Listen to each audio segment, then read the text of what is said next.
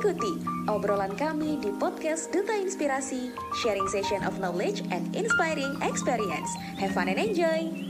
Halo Sobat Inspirasi, di mana pun kalian berada, selamat datang di konten baru kami, masih di Duta Inspirasi Podcast, tapi kali ini ada sesi yang beda nih. Kita mau diskusi sama lebih banyak orang, biar dapat lebih banyak perspektif dan lebih banyak tahu pengalaman-pengalaman dari masing-masing duta inspirasi di topik yang bakal kita diskusiin. Di mana, Ma, pada kesempatan ini kita bakal ngomongin soal topik yang lagi tren. Bukan lagi tren sih, lagi diimplementasikan sama pemerintah. Tidak lain dan tidak bukan adalah PPKM. PPKM. PPKM itu apa? Jadi seperti yang udah teman-teman ketahui nih ya, PPKM ini adalah uh, pembatasan kegiatan masyarakat gitu ya selama pandemi ini yang khususnya dilakukan di daerah Jawa dan Bali gitu. Nah, di sesi kali ini kita kasih nama apa ya? Aku lupa deh namanya. Apa Kak? Kak Yusuf nih. Uh, baik, jadi untuk sesi kali ini ya itu adalah program yang namanya Ngobrol Asik, yaitu konten terbaru dari Duta Inspirasi Podcast teman-teman. Jadi di sini kita nggak cuman ngobrol biasa gitu, tetapi juga kita sambil uh, ngobrol santai, tapi juga mengedukasi gitu kan Arya. Ya, bener banget. Nama kontennya yaitu Ngobrol Asik, dan kita bakal ngobrol asik seputar PPKM. Di sini udah ada uh, berapa orang nih? Ada satu, dua, tiga, empat, ada lima orang nih dari iya. Duta Inspirasi. Ada Kak Dena, ada Kak Try, ada Kak Ratu, sama Kak Lala. Bisa say hi dong teman-teman. Halo. Hai. Halo. ya ampun seru banget ya. Ya ampun. Halo teman-teman. Iya, rame Halo. banget ini. Aku mau tes banget dulu nih, satu-satu, kenalan dulu. Iya, aku mau tes dulu nih dari Kak Dena dulu. Kenalin dulu dong Kak, kenalin diri, nama sama asal oh, provinsi. Jadi uh, dari aku, uh, nama aku agak panjang ya. Jadi nama aku itu Astri Diena Yanuarlin Mutuali. Nah, kalian bisa aja panggil aku Dena cantik gitu. nah, aku tuh asalnya dari Kalimantan. Nama panggilannya Dana cantik. Ya, dan Dana cantik gitu, harus ada cantiknya belakangnya. Iya, cantik banget ya. Iya, harus cantik banget gitu. Dan aku asalnya dari Kalimantan Selatan. Jadi, halo guys. Halo. Nah, aku Baik. aku pengen banget deh ketemu sama kalian, sumpah. Oke, mudah-mudahan kita bisa ketemu ya langsung apalagi anggota dari divisi podcast itu adalah anggota terbanyak dari program Duta Inspirasi loh teman-teman. Kita kasih iya, applause dulu deh buat kita sendiri. Yeay. Uh, baik, selanjutnya nih ada Kak Tri. Silahkan Kak Tri perkenalkan dirinya. Halo guys, perkenalkan saya ya nama Halo. ya nama lengkap saya Trai Sepakat Zaluko tapi biasa dipanggil Trai bukan Tria, Trai atau bisa dipanggil juga Trizal atau Zal. Saya dari Provinsi Sumatera Utara, tapi saat ini kuliah di Banjarmasin di Universitas Mangkurat atau istilahnya seprovinsi sama Dena Sangti yang tadi. Nah, wow, keren banget ya. Eh, sumpah aku ya, baru tahu. Dari Kalimantan satu, ada satu universitas ya, try ya. Ya, ternyata. Ya ampun, keren-keren banget ya. Ya ampun, aku nggak tahu. Jadi nanti kita harus meet ya. Oke, selanjutnya tadi udah dari Kalimantan, terus ke Sumatera. Terus selanjutnya ada Kak Ratu. Halo Kak Ratu. Mana? Ayo kenalin nama sama asal provinsi. Halo Kanaria, aku uh, Putri Ratu Balkis, duta inspirasi dari Sulawesi Selatan. Aku lahir dan besar di Sulawesi Selatan, tepatnya di Makassar, Kabupaten Goa, tapi kuliah di Yogyakarta dan sekarang stay di Jakarta. Petualang ini ya. Petualang Asal banget. dari Sulawesi, kuliah di Jogja, stay, uh, stay-nya di Jakarta sekarang. Oke. Okay. Iya. Ada siapa Betul. lagi nih Kak Yusuf? Oke, okay, sebelumnya kita belum perkenalan diri nih Kak Naria. mungkin bisa juga kita perkenalan diri nih. Gimana Oh kan Arya? iya. Iya, iya bisa, bisa, sebenarnya. bisa. Boleh, Oke, boleh, boleh jadi banget. Dari pemirsa, Kak Yusuf dulu deh. Ya, jadi pendengar di rumah, perkenalkan saya Muhammad Yusuf dan juga saya berasal dari Kalimantan Selatan dan saya merupakan pasangan duta inspirasi dari Kak Dena Cangtip yang tadi. Oke, pasangannya Kak diri ya. Dena Cangtip nih. Iya, Oke, Eh, kenalin aku yang dari tadi ngomong terus ya gitu. Nama aku Naria, aku di Duta Inspirasi ini terpilih em, mewakili Provinsi Maluku Utara, tapi asalku adalah dari Jawa Timur. Gitu. Enggak apa-apa Naria kan kita Bhinneka Tunggal Ika gitu ya kan. Jadi berbeda-beda tapi tetap satu jua seperti itu. oh, Indonesia banget ya. Iya, bener banget. Jadi di Mm-mm, bener di Duta Inspirasi ini kita asal dari 34 provinsi itu ada semua gitu ya. Dan kita ketika ngelakuin program-program kerja, coaching, itu kita nggak ngelihat background gitu nggak sih teman-teman? Nggak ngelihat kamu dari provinsi mana, dari kota apa gitu. Itu tadi sih prinsipnya adalah Bhinneka Tunggal Ika. Bener banget, aku setuju sama Kak Cangtip ini. Halo Kak Cangtip. Panggil Dena Iya. Cangtip, jangan Cangtipnya aja nanti berbahaya ya kan sama pendengar-pendengar di rumah kita. Oke.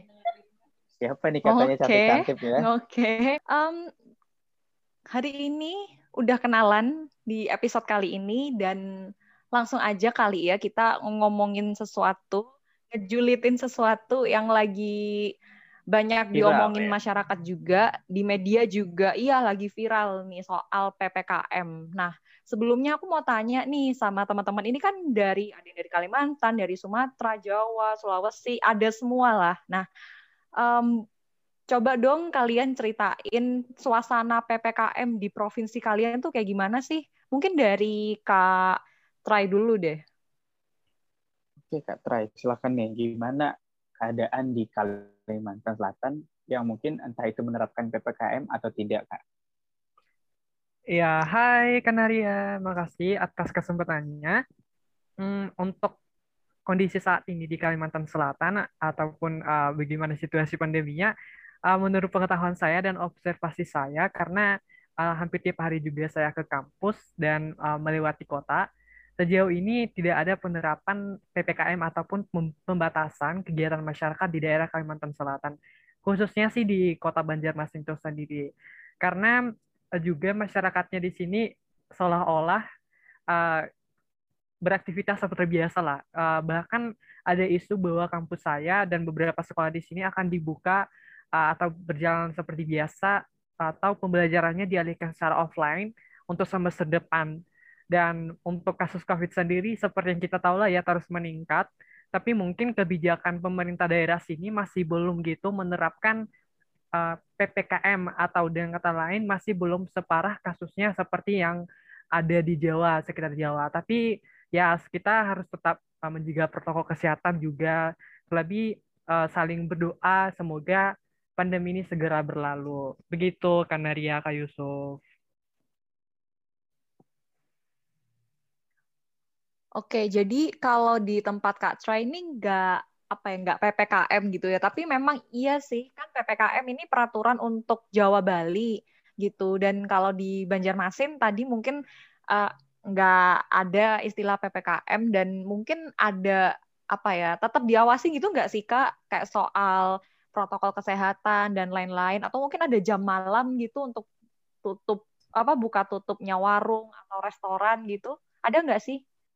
Um, untuk penjagaan itu ataupun uh, ada penjagaan dari satpam atau polisi dan sejenisnya pengamatan saya sih kan nggak ada. Terkecuali uh, kayak berskala gitu nanti ada diinfokan kayak uh, suatu waktu gitu ada polisi terangan polisi memeriksa gitu protokol kesehatannya. Tapi kayak untuk setiap hari itu nggak ada. Kecuali kalau di kampus kayak di kampus itu ada polisi tertentu yang melarang bergerombol dan sebagainya. Tapi untuk sekitar masyarakat di sini nggak ada gitu yang uh, keketatan kayak ada penjagaan dan ada razia setiap hari untuk protokol kesehatan jadi menurut saya sih kayak udah mulai normal gitu di Banjarmasin sini kayak kegiatan masyarakatnya begitu kan Arya di sini juga ada teman saya ini dari Banjarmasin dari Dena Cantik yang tadi dan ada juga Kak Yusuf. Oke, mungkin Aku mau boleh nambahin gak sih? Oke, Kak Dena duluan deh. Dari Kak Dena deh. Oke. Eh, mungkin tadi kata Kak Naria itu kita di sini tuh emang kayak nggak peduli, bukan nggak peduli sih, peduli tapi banyak yang tidak terlalu memperdulikan dengan protokol kesehatan. Karena di sini jujur ya, kalau bi- bicara jujur di sini itu masih banyak eh, anak-anak muda yang nongkrong-nongkrong ya kan, Traya, malam-malam. Terus juga banyak juga orang-orang yang masih eh, bisa kalau keluar tuh nggak pakai masker dan mereka tuh kayak bodo amat aja gitu loh sama yang namanya corona dan COVID-19 kayak mereka tuh apalagi sama orang-orang eh, yang dari desa atau dari kampung yang mereka nganggap kalau kan kebanyakan orang-orang kampung itu mikirnya ini tuh apa ke corona tuh nggak ada ya? Jadi mereka tuh jarang banget pakai masker terus jaga jarak pakai hand sanitizer apa segala macam. Nah apalagi yang kata si Kanariat itu eh, apa namanya yang polisi apa jaga kayak gitu segala macam. Di sini tuh gak ada karena aku aku kan eh, pulang kampung nih ke rumah aku.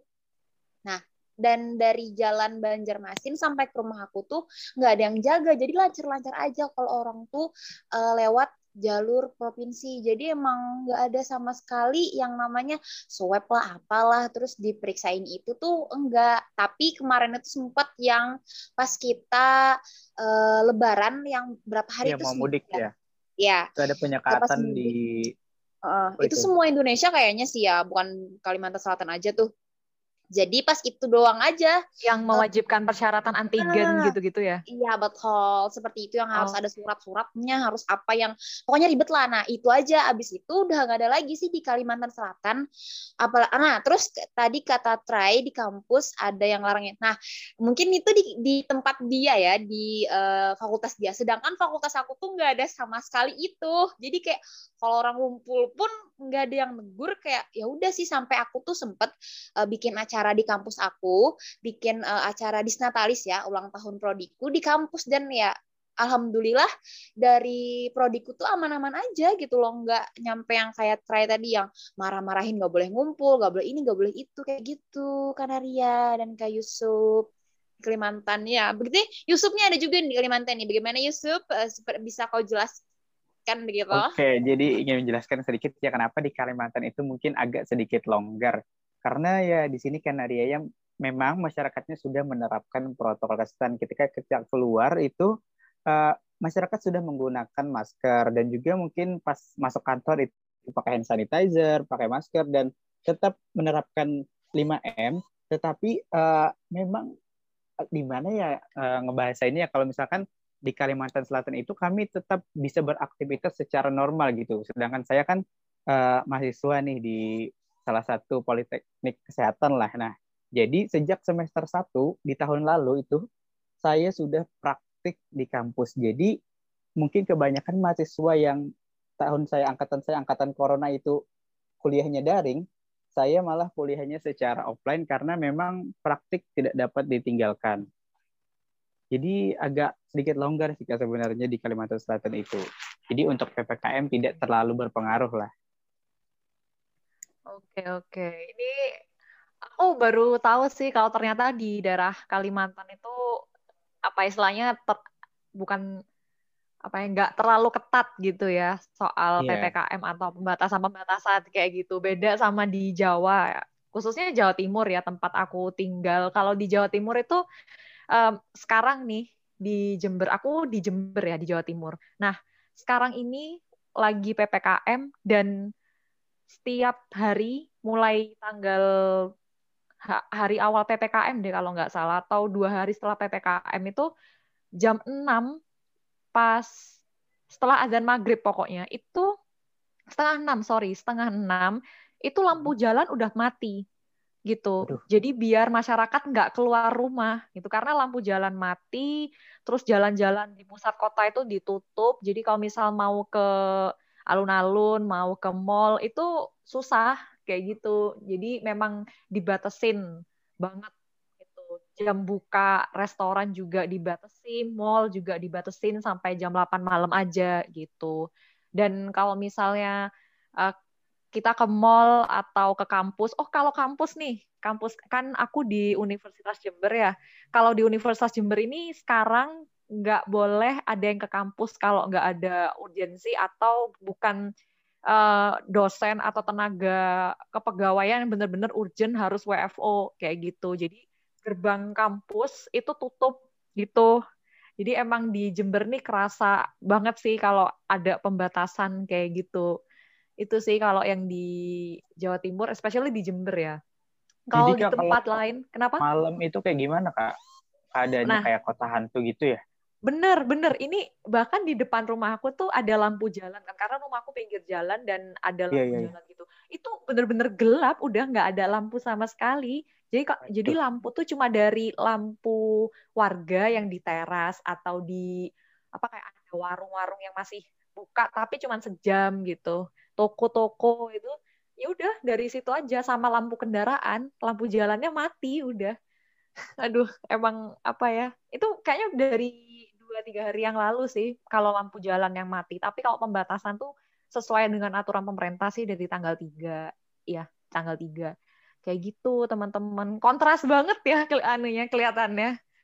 Eh bentar tapi ada yang bandel nggak sih kalau di tempatmu um, bandel masih bandel kayak bandel ya masih nggak terlalu ngikutin sama protokol kesehatan dan juga uh, apa peraturan pemerintah itu ada nggak sih? Kayak di Kalimantan kan banyak banget tuh yang kayak gitu.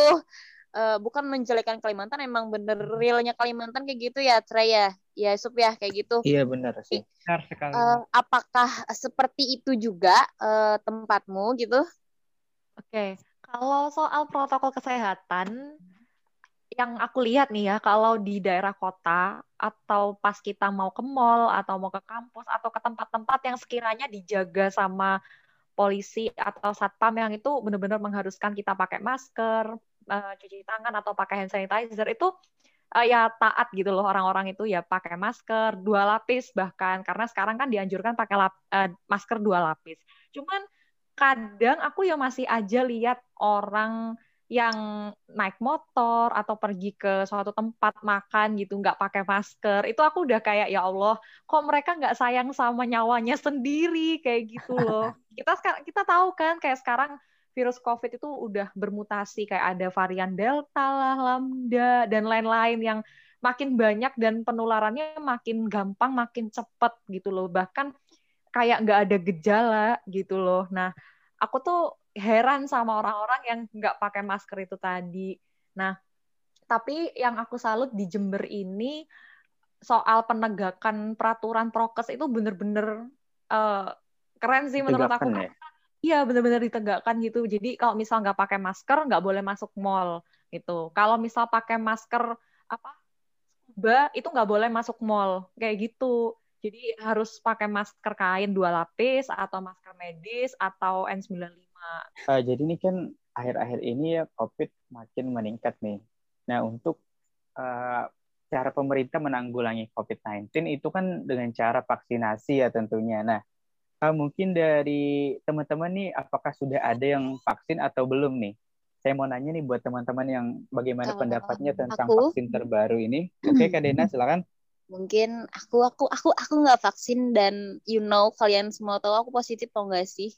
Iya iya. Aku tahu banget kalau kamu positif, covid ya? Iya iya iya. ya. tapi positif covid ya bukan positif yang itu bukan. Oke okay, iya. Bukan bukan garis dua ya iya iya, iya. itu bukan dua garis Berbahaya biru nanti ya kan kalau positif covid iya, iya. iya. ini sekalian nih um, kita butuh testimoni dari penyintas covid gitu ya iya benar banget nih kak oke jadi bisa jelasin nih kak kenapa uh, waktu itu uh, pas covid gimana rasanya dan kemudian kenapa nih nggak mau divaksin Ntar nih jawabnya satu-satu ya. Jadi yeah. kemarin itu uh, sebenarnya aku tuh mau daftar mau daftar vaksin dan ternyata aku sakit. Kan otomatis kalau vaksin nggak boleh kan nggak boleh sakit kan otomatis. Iya harus diperiksa cek kesehatan, tekanan darah, sehat, sehat badan, jiwa dan raga dan juga hati ya kan. Iya, jadi jadi aku kemarin itu uh, drop banget dan mungkin emang uh, ini ya musim-musimnya orang-orang drop. Nah, jadi kemarin aku tuh kena tipes. Dan sampai opname di rumah sakit kemarin itu. Nah, aku tuh pas uh, opname itu emang bener-bener gejalanya cuma tipes aja, nggak ada yang nyampe positif tuh nggak ada. Jadi aku bingung kemarin. Jadi aku nyampe berapa ya? Empat, eh lima atau empat sih aku di opname di rumah sakit. Nah ternyata itu tuh pas diperiksa di swab ternyata aku juga positif jadi tuh double kayak aku tipes dan ternyata aku juga positif covid gitu loh. Nah aku kaget padahal kayak gejala-gejala yang orang-orang positif covid tuh kayak yang hilang indera perasa atau penciuman tuh aku nggak ada. Hmm. terus kayak uh, apa segala macam rasa tidak nyaman dan itu tuh kayak nggak ada. Cuman kayak mungkin fokusnya itu karena aku sakitnya ke sakit tipes jadi fokusnya ke tipes aja nggak fokus ke positif itu positif covid itu ya udah nih uh, jadi kayak lebih uh, aku tuh lebih obat uh, obat yang aku minum itu lebih ke nyembuhin buat penyakit tifus aku. Nah abis itu ya udah abis itu aku balik kan ke rumah balik ke rumah. Nah, habis itu di lagi tuh, eh ternyata masih positif nih. Jadi kan aku sekarang uh, nyampe sekarang itu masih positif dan aku nggak boleh ke mana-mana. Aku jadi karantina mandiri di rumah karena emang dari orang tua aku nggak boleh kayak aku uh, di rumah sakit karena mungkin rumah sakit itu ketat banget kan. Jadi kayak yeah. yang jaga oh. cuma harus satu dan tok satu itu doang gitu loh nggak boleh gantian gitu. Terus kayak apa-apa tuh menurut aku tuh kayak kalau bahasa aku tuh alay banget gitu kan sih di rumah sakit gitu ya kan. Jadi aku okay, lebih okay, okay. Di rumah gitu. Nah, jadi lebih baik di rumah yang emang benar-benar eh, mama aku tuh masakin apa yang aku pengen kayak emang mau makan ini ntar dimasakin. Terus kayak lebih diperhatikan, lebih seneng lah, lebih nggak stres gitu kan. Kayak ngejemur tiap jemur diri tiap hari, olahraga, terus makan makanan bergizi dan ini itu segala macam dan aku tuh bingung kenapa aku tuh nyampe positif soalnya aku ngerasa diri aku tuh sehat-sehat aja loh sekarang nih aku iya, iya. mau isi ngop ngis, ngisiin podcast ini tuh aku ngerasa aku sehat tapi aku positif gitu loh makanya aku bingung banget sama diri aku sendiri nah mungkin uh, buat kalian juga hati-hati juga ya guys. Kalau aku tuh untuk sekarang uh, gejala aku itu tuh yang pertama aku tuh batuk kering. Jadi tuh terkadang tenggorokanku tuh kayak gatal-gatal gitu terus tiba-tiba batuk. Nah terus anak uh, ini sama cepat banget lelah. Jadi kalau misalnya kalian udah jalan-jalan aja nih jalan di rumah atau misalnya kalian uh, abis nunduk abis itu kayak berdiri terus kayak capek banget. Nah itu tuh yang aku rasain sekarang. Tapi kayak nggak terlalu kan nggak terlalu nggak terlalu yang kayak orang-orang yang nyampe pilek, batuk, apa segala macam kayak gitu kan. Jadi aku bingung juga. Iya. Nah, tapi ya kemarin aku sempat diare sama sakit kepala yang bener-bener sakit kepala yang nggak bisa obat uh, ibaratnya itu obat paracetamol aja pun nggak mempan sama sama sakit kepala yang aku rasain gitu loh. Terus uh, mungkin sakit dada sesak nafas. Entah entah itu sesak nafas itu karena uh, apa namanya mah aku kambuh atau emang gara-gara corona tuh nggak tahu. Jadi makanya buat kalian itu hati-hati banget kalau misalnya kalian ada gejala itu. Soalnya mungkin kemarin pas aku periksa dokternya bilang kalau covid yang ada di badan aku tuh udah bermutasi alias udah di-upgrade nih. Uh, keren kan uh, covid bisa di-upgrade gitu. Yang oh, iya, ya, kan, ya. iya varian kan, baru mungkin. Iya betul. Jadi aku kaget juga. Soalnya aku ngerasa penciuman aku masih aman terus uh, perasa apa yang lidah aku masih aman kok bisa bisanya positif gitu. Jadi makanya buat kalian hati-hati banget ya jangan pokoknya menurut aku sih kalian jangan buang-buang duit untuk swab. Jadi kan harus jaga kesehatan di rumah dan harus bener-bener uh, jangan lupa makan dan jangan lupa buat uh, istirahat yang cukup. Karena menurut aku ini kan musim pancaroba ya kayak pergantian yeah. musim yang ke dari musim hujan ke musim kemarau musim kemarau yeah, ke musim yeah, hujan benar. itu hati-hati banget buat kalian. Karena itu uh, banyak banget teman-teman aku tuh yang batuk pilek nyampe dikira corona juga. Jadi kalian harus bisa menjaga diri kalian sendiri sebelum menjaga orang lain begitu. Okay, sih dari aku.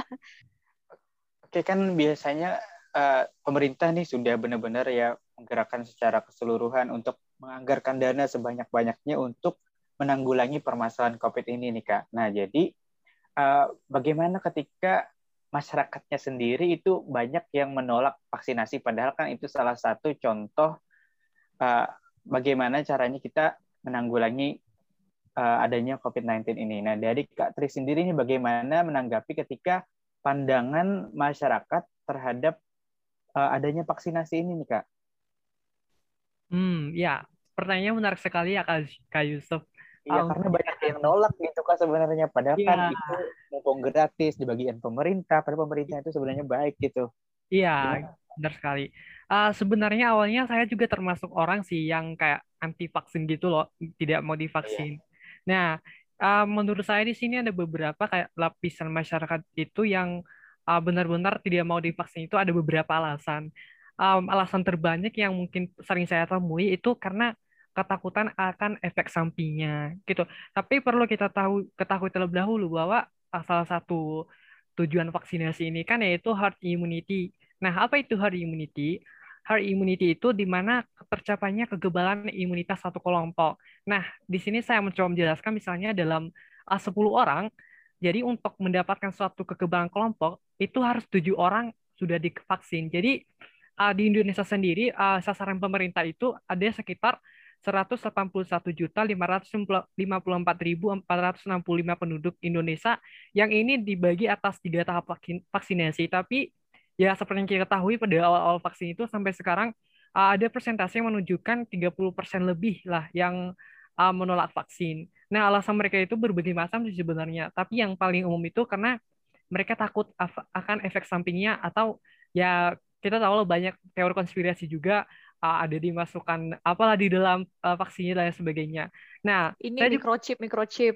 Nah, betul sekali kan Nadia.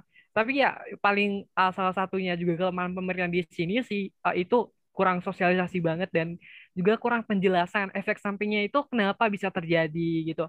Mungkin di sini saya akan akan mencoba nih mengedukasi teman-teman yang uh, mungkin belum tahu kenapa itu ada efek sampingnya. Ini juga ada, uh, saya ambil datanya dari kompas.com-nya teman-teman. Jadi uh, menurut pengetahuan saya yang saya riset, uh, adanya efek samping itu karena karena uh, vaksin vaksinasi itu bentuknya seolah kita itu dimasukkan virus loh guys, tapi virusnya itu di dinonaktifkan.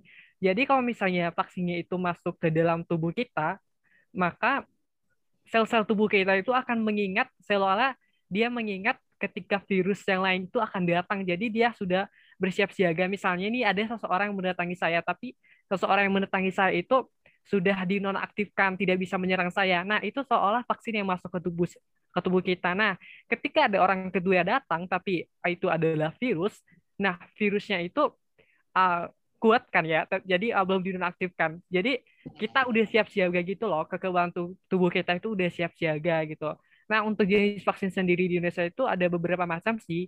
Nah, saya ketahui ada Sinovac, ada AstraZeneca, ada Moderna, dan Sinopharm. Jadi, yang perlu digarisbawahi di sini ketakutan masyarakat sih yang uh, kebanyakan, tapi kabar terakhir yang saya dengar itu ada sekitar tiga persen saja yang masih menolak vaksin, tapi uh, kata pemerintah itu bukan masalah yang besar karena uh, dari jumlah yang setuju aja sudah bisa mencapai kekebalan uh, suatu kelompok. Jadi mari nih teman-teman yang masih belum vaksin, uh, mari kita divaksin karena saya awalnya juga karena dirada ketakutan, tapi setelah divaksin kan ya efek sampingnya cuma demam biasa dan sebagainya, tapi setelah itu ya, merasa sehat gitu loh. Karena kalau cuma satu orang dua orang kan yang uh, berusaha nggak bisa gitu, jadi harus semua atau bersama-sama bergandengan tangan untuk memerangi COVID-19 ini karena ya bersama kita bisa lah istilahnya itu slogannya itu sih kayak Yusuf Kanaria menurut saya terkait uh, vaksinasi di Indonesia gitu Iya, baik Katrina. Jadi aku juga mau komentar sedikit ya untuk vaksinasi. Alhamdulillah aku sudah vaksinasi. Jadi uh, mungkin terkait dengan efek samping yang kebanyakan masyarakat tahu atau masyarakat dengar ya mungkin ada yang demam bahkan sampai ada yang meninggal. Sebenarnya setiap vaksinasi atau imunisasi apa pun ada efek setelahnya. Nah, kita kan pernah kecil tuh waktu imunisasi vitamin A atau apa ya gitu ya pasti kan demam karena memang tubuh kita itu sebenarnya menerima uh, komponen asing terbaru dan tubuh kita itu perlu adaptasi teman-teman. Jadi itu wajar sekali karena biasanya setelah kita vaksin mungkin tubuh kita akan terasa sedikit lebih panas dari suhu tubuh kita normal. Nah, kemudian pengalaman aku vaksin kemarin nih uh, waktu itu ya aku nggak merasa uh, gimana gimana gitu, tetap normal aja. Bahkan besoknya itu aku langsung olahraga, lari, dan tetap bisa beraktivitas secara normal. Intinya adalah mungkin juga berpengaruh ya sedikit terhadap mental kita teman-teman. Kalau misalkan di dalam pikiran kita nih waktu kita vaksin itu uh, besok aku bakalan demam nih atau apa, itu juga akan mempengaruhi kesehatan kita besok harinya. Jadi kalau sudah vaksin ya santai aja, kayak biasa aja gitu loh. Itu sih kalau dari aku kan dia juga. Nah, betul Kak Yusuf. Uh, ya, izin menebakkan lagi.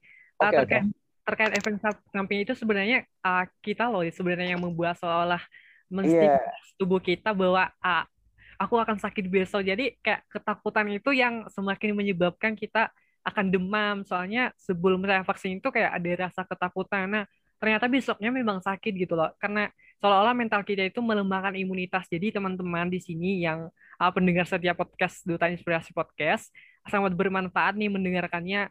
Uh, jadi uh, usahakan tubuh itu sehat gitu sebelum vaksin dan juga ya uh, mental itu dibuat aja seolah ya saya kuat gitu vaksin itu ya hal biasa gitu. Maksudnya dan, tuh kayak suggesting itu gak sih? Iya, iya, I know, I know, I know. Berpengaruh sih sebenarnya. Ada okay. orang yang di samping saya itu ya waktu vaksin itu dia bilang, aduh besok saya mungkin bakalan demam nih. Ternyata memang benar demam, sedangkan saya sendiri adalah ya biasa aja gitu. Bahkan ketika disuntik saya nggak ngerasa, udah mas kata perawatnya kan, hah saya bilang udah gitu. Jadi berasa cepat banget gitu. Bahkan nggak ada ngerasa benda dimasukin di tangan saya gitu kan. Jadi ya saya udah biasa aja kayak nggak ngerasa apa-apa gitu kayak normal nah, juga aja. Juga pas suntik vaksin aku ini nih mau cerita juga pas aku yeah. divaksin kan aku divaksin Sinovac nih nah aku pas mau vaksin tuh sempat panas gitu dua iya. harian yeah. karena emang tegang gitu Nah, bener-bener itu tegang. Jangan sampai ya, tegang.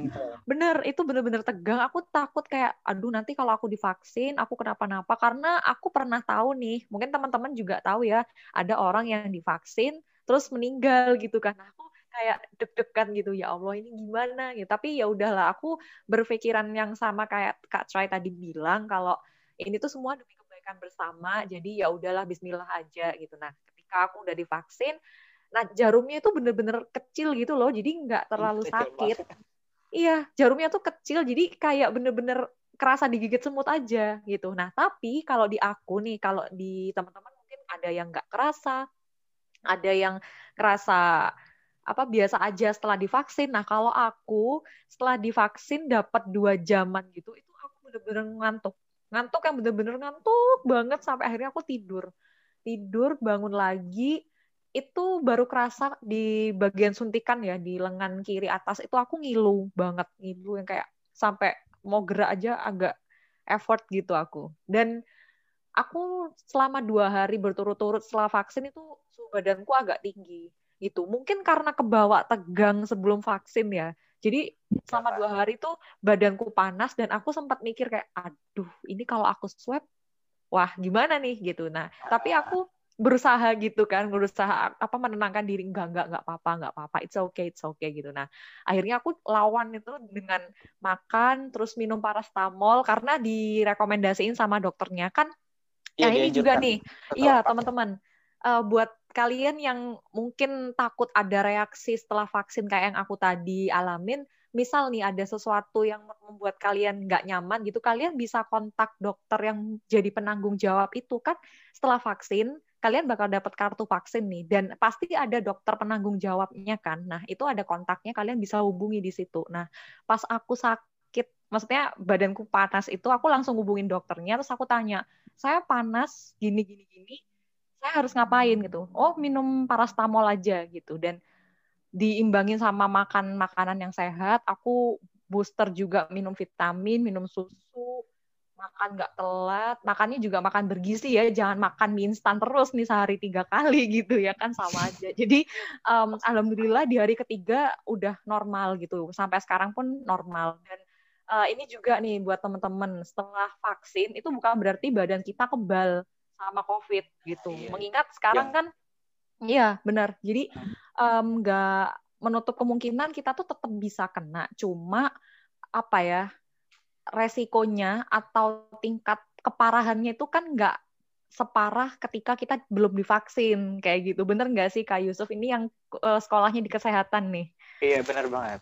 Uh, soalnya kalau misalkan kita udah vaksin, itu resiko penularan dari diri kita sendiri itu menurun drastis yaitu sekitar yang awalnya kita yang sebelum vaksin itu memiliki resiko penularan sebanyak 70%, ketika kita sudah vaksin itu resiko penularan kita ada sebanyak 30% aja Kak. Jadi apalagi kita juga menerapkan protokol kesehatan karena itu otomatis lebih aman. Tetapi jangan kepedean kalau misalkan kita itu kebal dari COVID-19. Benar, benar. Jadi setelah divaksin tetap harus menaati protokol kesehatan. Kalau sekarang disuruh pakai masker double, pakai masker double yang sesuai aturan. Jangan masker kain ditumpuk masker kain kan itu nggak efektif gitu loh. Jadi ya itu sih pokoknya menaati prokes, gaya hidup sehat, um, positif mindset, positif lifestyle, negatif COVID. Kalau aku pikirannya selalu gitu sih. Itu. Okay. Jadi positive way of life, positive uh, mindset negatif COVID. Itu teman-teman dicatat ya. Berarti kalian semua udah vaksin semua nih? Iya, udah. Iya. Oh, kalau Kak Ratu nih nggak tahu aku. Kalau Ratu sih belum. Sama. Karena karena kemarin Kenapa, tuh juga sempat positif. Kemarin sempat positif juga. Oke, boleh cerita nih gimana pas positif gitu, Kak? Iya, kemarin Masa? tuh aku tergolong OTG ya. Bener-bener nggak ada oh, gejala. ya? Iya, bener-bener aku sehat-sehat aja. Aku masuk kantor, makan bareng temen, eh, cerita-cerita bareng temen. Oh, pokoknya udah rame banget deh pokoknya. Eh, pas siang, pas jam istirahat, aku beraniin buat tes kan emang uh, kewajiban kan tiap minggu di kantor itu emang harus tes swab kan. Nah, pas aku di swab tuh hasilnya keluar aku reaktif dong, reaktif tanpa nunggu waktu lama-lama kan kadang uh, hasilnya keluar itu harus nunggu 20 menit, harus 15 sampai 20 menit, tapi punya aku tuh bener-bener setelah uh, diturunin alkoholnya tuh alkohol ya kalau nggak salah ya Pak. Pas diturunin itu langsung dua garis gitu tanpa menunggu lama. Jadi lima menit gitu hasilnya langsung reaktif. Aku langsung uh, ke ruangan sebelah menyendiri di kantor. Habis itu uh, atasan aku langsung nyuruh buat VCR. Kemudian aku berangkat VCR dan emang udah udah was-was banget di jalan. Badan aku langsung tiba-tiba kayak gemeteran gitu karena mungkin karena ini ya, karena terlalu kepikiran.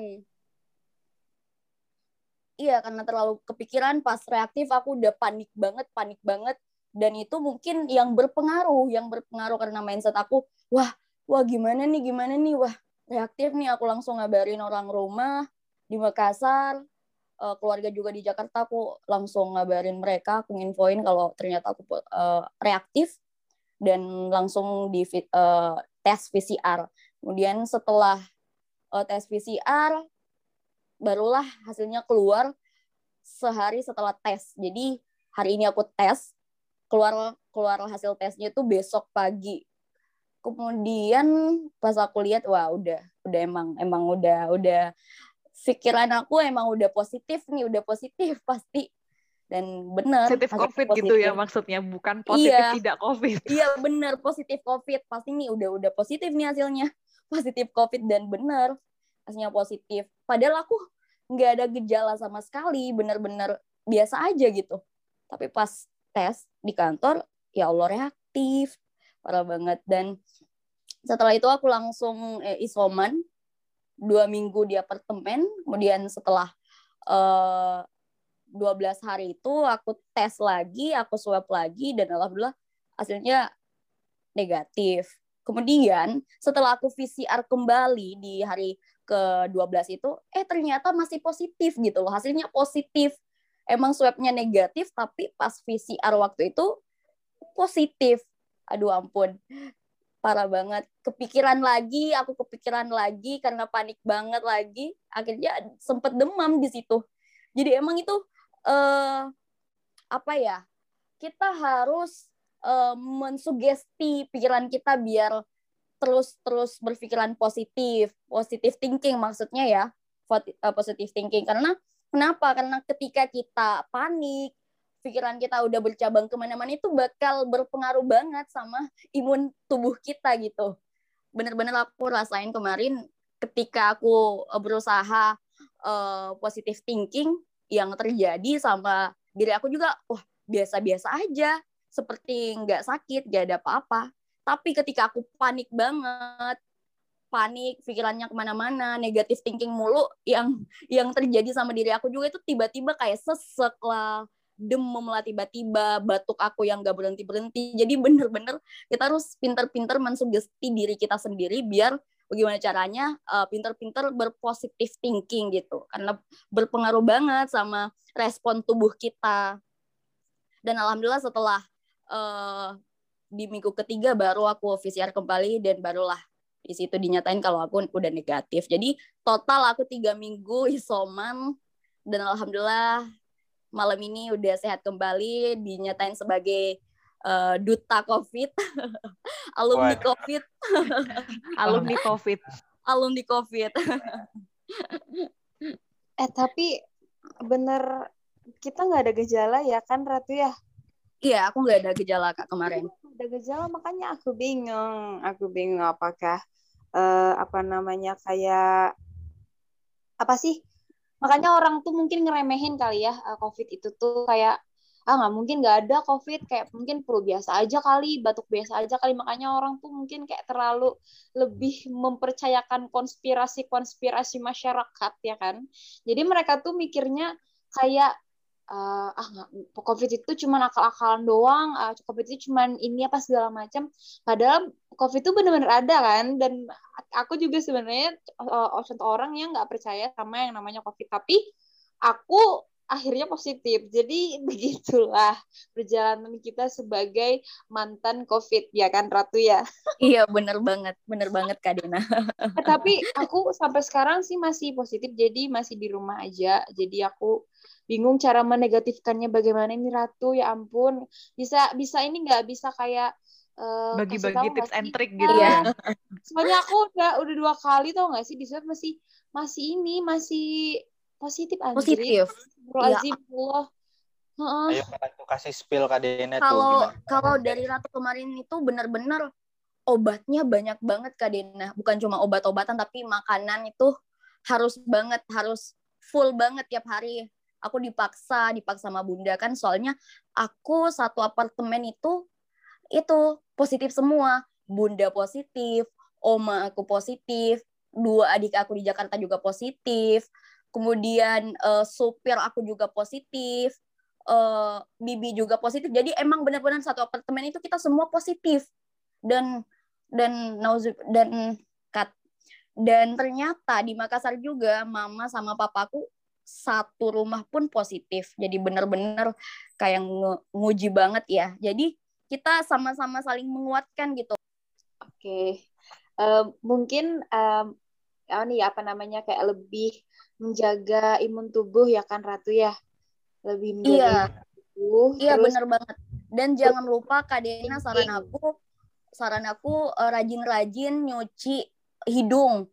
Itu aku pagi, siang, malam tuh aku cuci hidung pakai cairan infus. Kemudian aku juga selalu rutin kumur pakai eh, betadine. Betadine kumur itu eh, buat ini ngilangin bakteri, bakteri baik itu di hidung kita sama di tenggorokan kita lebih banyak konsumsi vitamin, susu beruang, banyak-banyak minum air hangat. Aku tiap minum tuh nggak pernah air biasa, tapi air hangat. Hangat pokoknya yang yang beruap-uap banget gitu loh. Hmm. Dan Biasa ya- iya benar. Dan jangan lupa Kak Dena nih, ini not banget sih soalnya banyak banget yang nyaranin dan alhamdulillah itu yang aku terapin dan alhamdulillah itu yang buat penciuman aku kembali bisa normal. Itu kit eh, jangan lupa eh apa namanya? masak air dan turunin tiga tetes minyak kayu putih ke air hangat itu. Jadi uapin tuh, irup tuh kadena eh, airnya yang udah dicampur sama tiga tetes minyak kayu putih. Dirup dalam-dalam biar enak. Dan emang rasanya enak banget sih setiap abis eh, itu abis nyobain pesan-pesan dan saran-saran dari teman-teman minyak kayu putih campur air hangat terus diisep dalam-dalam gitu Kak Ya, Dena. bener, ya bener sih, tapi itu karena kamu penciuman kamu kemarin terganggu juga kan? Iya. Nah, aku tuh normal. Penciuman aku tuh nggak terganggu dan perasa perasa dari lidah aku tuh nggak nggak ada terganggu juga gitu loh. Makanya aku sempet kemarin eh, yang nyampe disaranin minum susu beruang sama teman-teman terus makan buah terus makan makanan bergizi minum vitamin minum imbus ya vitamin imbus tahu kan? Iya benar-benar aku juga minum itu. Nah terus juga kayak vitamin-vitamin yang lain. Pokoknya di disu, disuapin terus sama mamaku tuh kayak kamu harus minum ini kamu harus makan ini kamu harus ya gitu. Makanya uh, uh, semoga aja nih abis kayak udah beberapa minggu nanti aku bakal di swab lagi semoga negatif aja biar aku nggak kepikiran lagi gitu kan. Soalnya amin, amin. banget sumpah deh. Kalau kalian juga mesti kalau kalian kayak aku tuh pasti kepikiran banget ini kapan negatifnya? gitu. Kan takutnya kan uh, kayak kita tuh bakal ditakutin sama teman-teman kan kayak eh jangan deket-deket dia dia positif loh nanti kita tuh kayak gitu-gitu segala macam. Jadi aku tuh takut banget kalau misalnya aku balik ke tempatku ke tempat kuliahku terus pas aku mau temenan tiba-tiba kayak teman-temanku langsung uh, kita jangan kayak dikucilkan dulu gitu ya. Den. Iya, Iya, benar. Iya. kita jangan temenan dulu ya Den. Kita kita pacaran aja. Eh enggak maksudnya kayak Eh. Ya gitu. Mau temenan maunya kayak apa toh? Astagfirullahaladzim. Seperti itu makanya semoga aja aku nanti hasilnya negatif. Amin ya Allah. Amin. Semoga cepat kembali ya kadennya biar kita bisa hangout lagi, jalan-jalan lagi gitu ya. Oke, ini kita ngobrolnya asik banget ya sampai nggak kerasa hampir sejam loh ini. Wah, Iya benar banget kan Arya. memang iya bener. Jadi emang kalau ngebahas sesuatu yang lagi viral, lagi banyak diomongin orang itu kayak nggak ada habisnya gitu ya. Nah, Iya. tapi tapi kita juga apa harus apa ya ngelihat durasi juga ini kayaknya udah hampir sehari nih kita diskusi. Waduh. Nggak, hampir ya. sejam, ham- eh, hampir Iya, sejam hampir nih sejam. kita ngomongin eh, banyak hal soal PPKM, soal peningkatan kasus COVID, terus juga ada testimoni dari penyintas eh, COVID, entahlah varian apa gitu ya. Nah, Mm-mm. sebelum podcast ini kita akhiri, eh, mau titip pesan nih buat teman-teman, mungkin dari Kak Ratu atau Kak Dena salah satu aja nih, pesan-pesan buat teman-teman yang mungkin nggak percaya COVID atau belum divaksin nih, mungkin Kak Troy atau Kak Yusuf mau ngasih pesan-pesan buat teman-teman yang masih takut mau divaksin, takut disisipin microchip, bisa dong eh, pesan-pesan gitu. Oke. Eh, mungkin Siapa dulu Kak, Kak Dena dulu deh, Kak Kak Dena Dena dulu. dulu. Mungkin kalau aku buat teman-teman yang tidak percaya dengan COVID itu lebih baik percaya saja ya kan. Karena menurut aku eh, sebenarnya COVID itu ada, cuman mungkin karena kita itu anak muda, jadi kita tuh termasuk orang OTG yang orang tanpa gejala.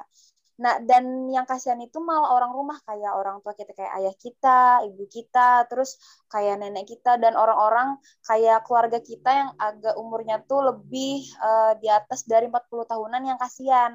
Karena kan kita, otomatis kita tuh pembawa pembawa virus kan sedangkan kita nggak ada gejala. Yang kasihan itu mereka yang kita sayangi yang tiba-tiba ntar eh, jadi eh, gejalanya tuh parah. Apalagi kan kalau bias- biasanya penyakit orang tua tuh kayak eh, diabetes lah gula darah terus darah tinggi otomatis kan bakal jadi komplikasi tuh. Makanya buat teman-teman harus bener-bener jaga kesehatan, harus bener-bener nerapin protokol kesehatan juga, jangan bandel dan juga kan otomatis kalau kita masih muda pasti lagi aktif-aktifnya ya, lagi produktif pro- produktif produktifnya jadi eh, menurut aku eh, cukup cukupkanlah eh, produktif kalian secukupnya istirahat juga secukupnya makan juga secukupnya karena kita anak muda ini juga daya imun tuh nggak terlalu kayak orang yang kita kuat nih eh, kita muda kita kita kuat nggak mungkin karena pasti kita akan ada titik terendah kita yang bakal kita juga bakal sakit jadi buat teman-teman eh, pendengar podcast duta inspirasi ini harus benar-benar percaya kalau covid itu ada mungkin itu aja sih dari aku Oke, Iya. thank you banget Kak Dena. Ini udah ngewakilin Kak Ratu juga ya. Jadi em, percayalah bahwa COVID itu ada dan please jaga diri, jaga kesehatan karena dengan kita menjaga diri sendiri itu juga menjaga orang lain kan kayak gitu. Nah, aku mau ke Kak Try nih yang tadi ngomongin soal vaksin dan konspirasi dan lain-lain ini tolong dong Kak Try uh, kasih kasih paham aduh kayak bahasanya anak TikTok nih. Um, apa ya pesan-pesan buat teman-teman yang mungkin belum vaksin atau masih takut untuk divaksin untuk mencapai herd immunity gitu. Hmm, iya iya iya.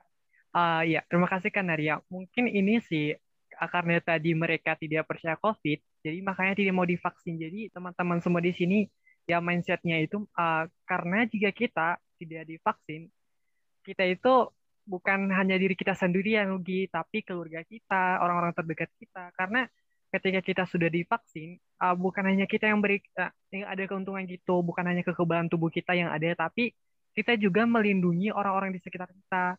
Dalam artian kita berkontribusi untuk negara gitu loh. Kapan lagi kan punya kontribusi terhadap pemerintah gitu.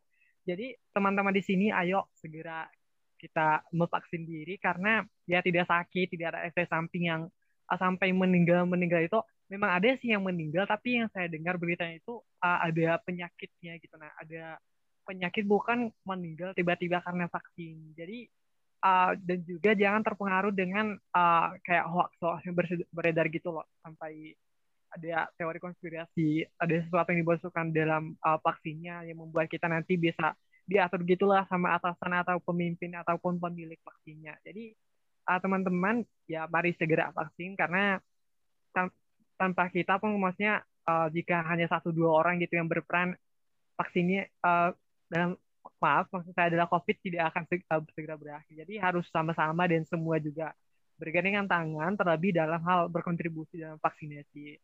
Bukan hanya diri kita yang kita lindungi, tapi juga kita melindungi orang lain, terlebih orang-orang tersayang kita, keluarga kita, orang-orang terdekat kita, karir kita, dan sebagainya. Demikian Kanaria. Iya, benar banget tuh. Kalau bukan kita ya siapa lagi gitu kan.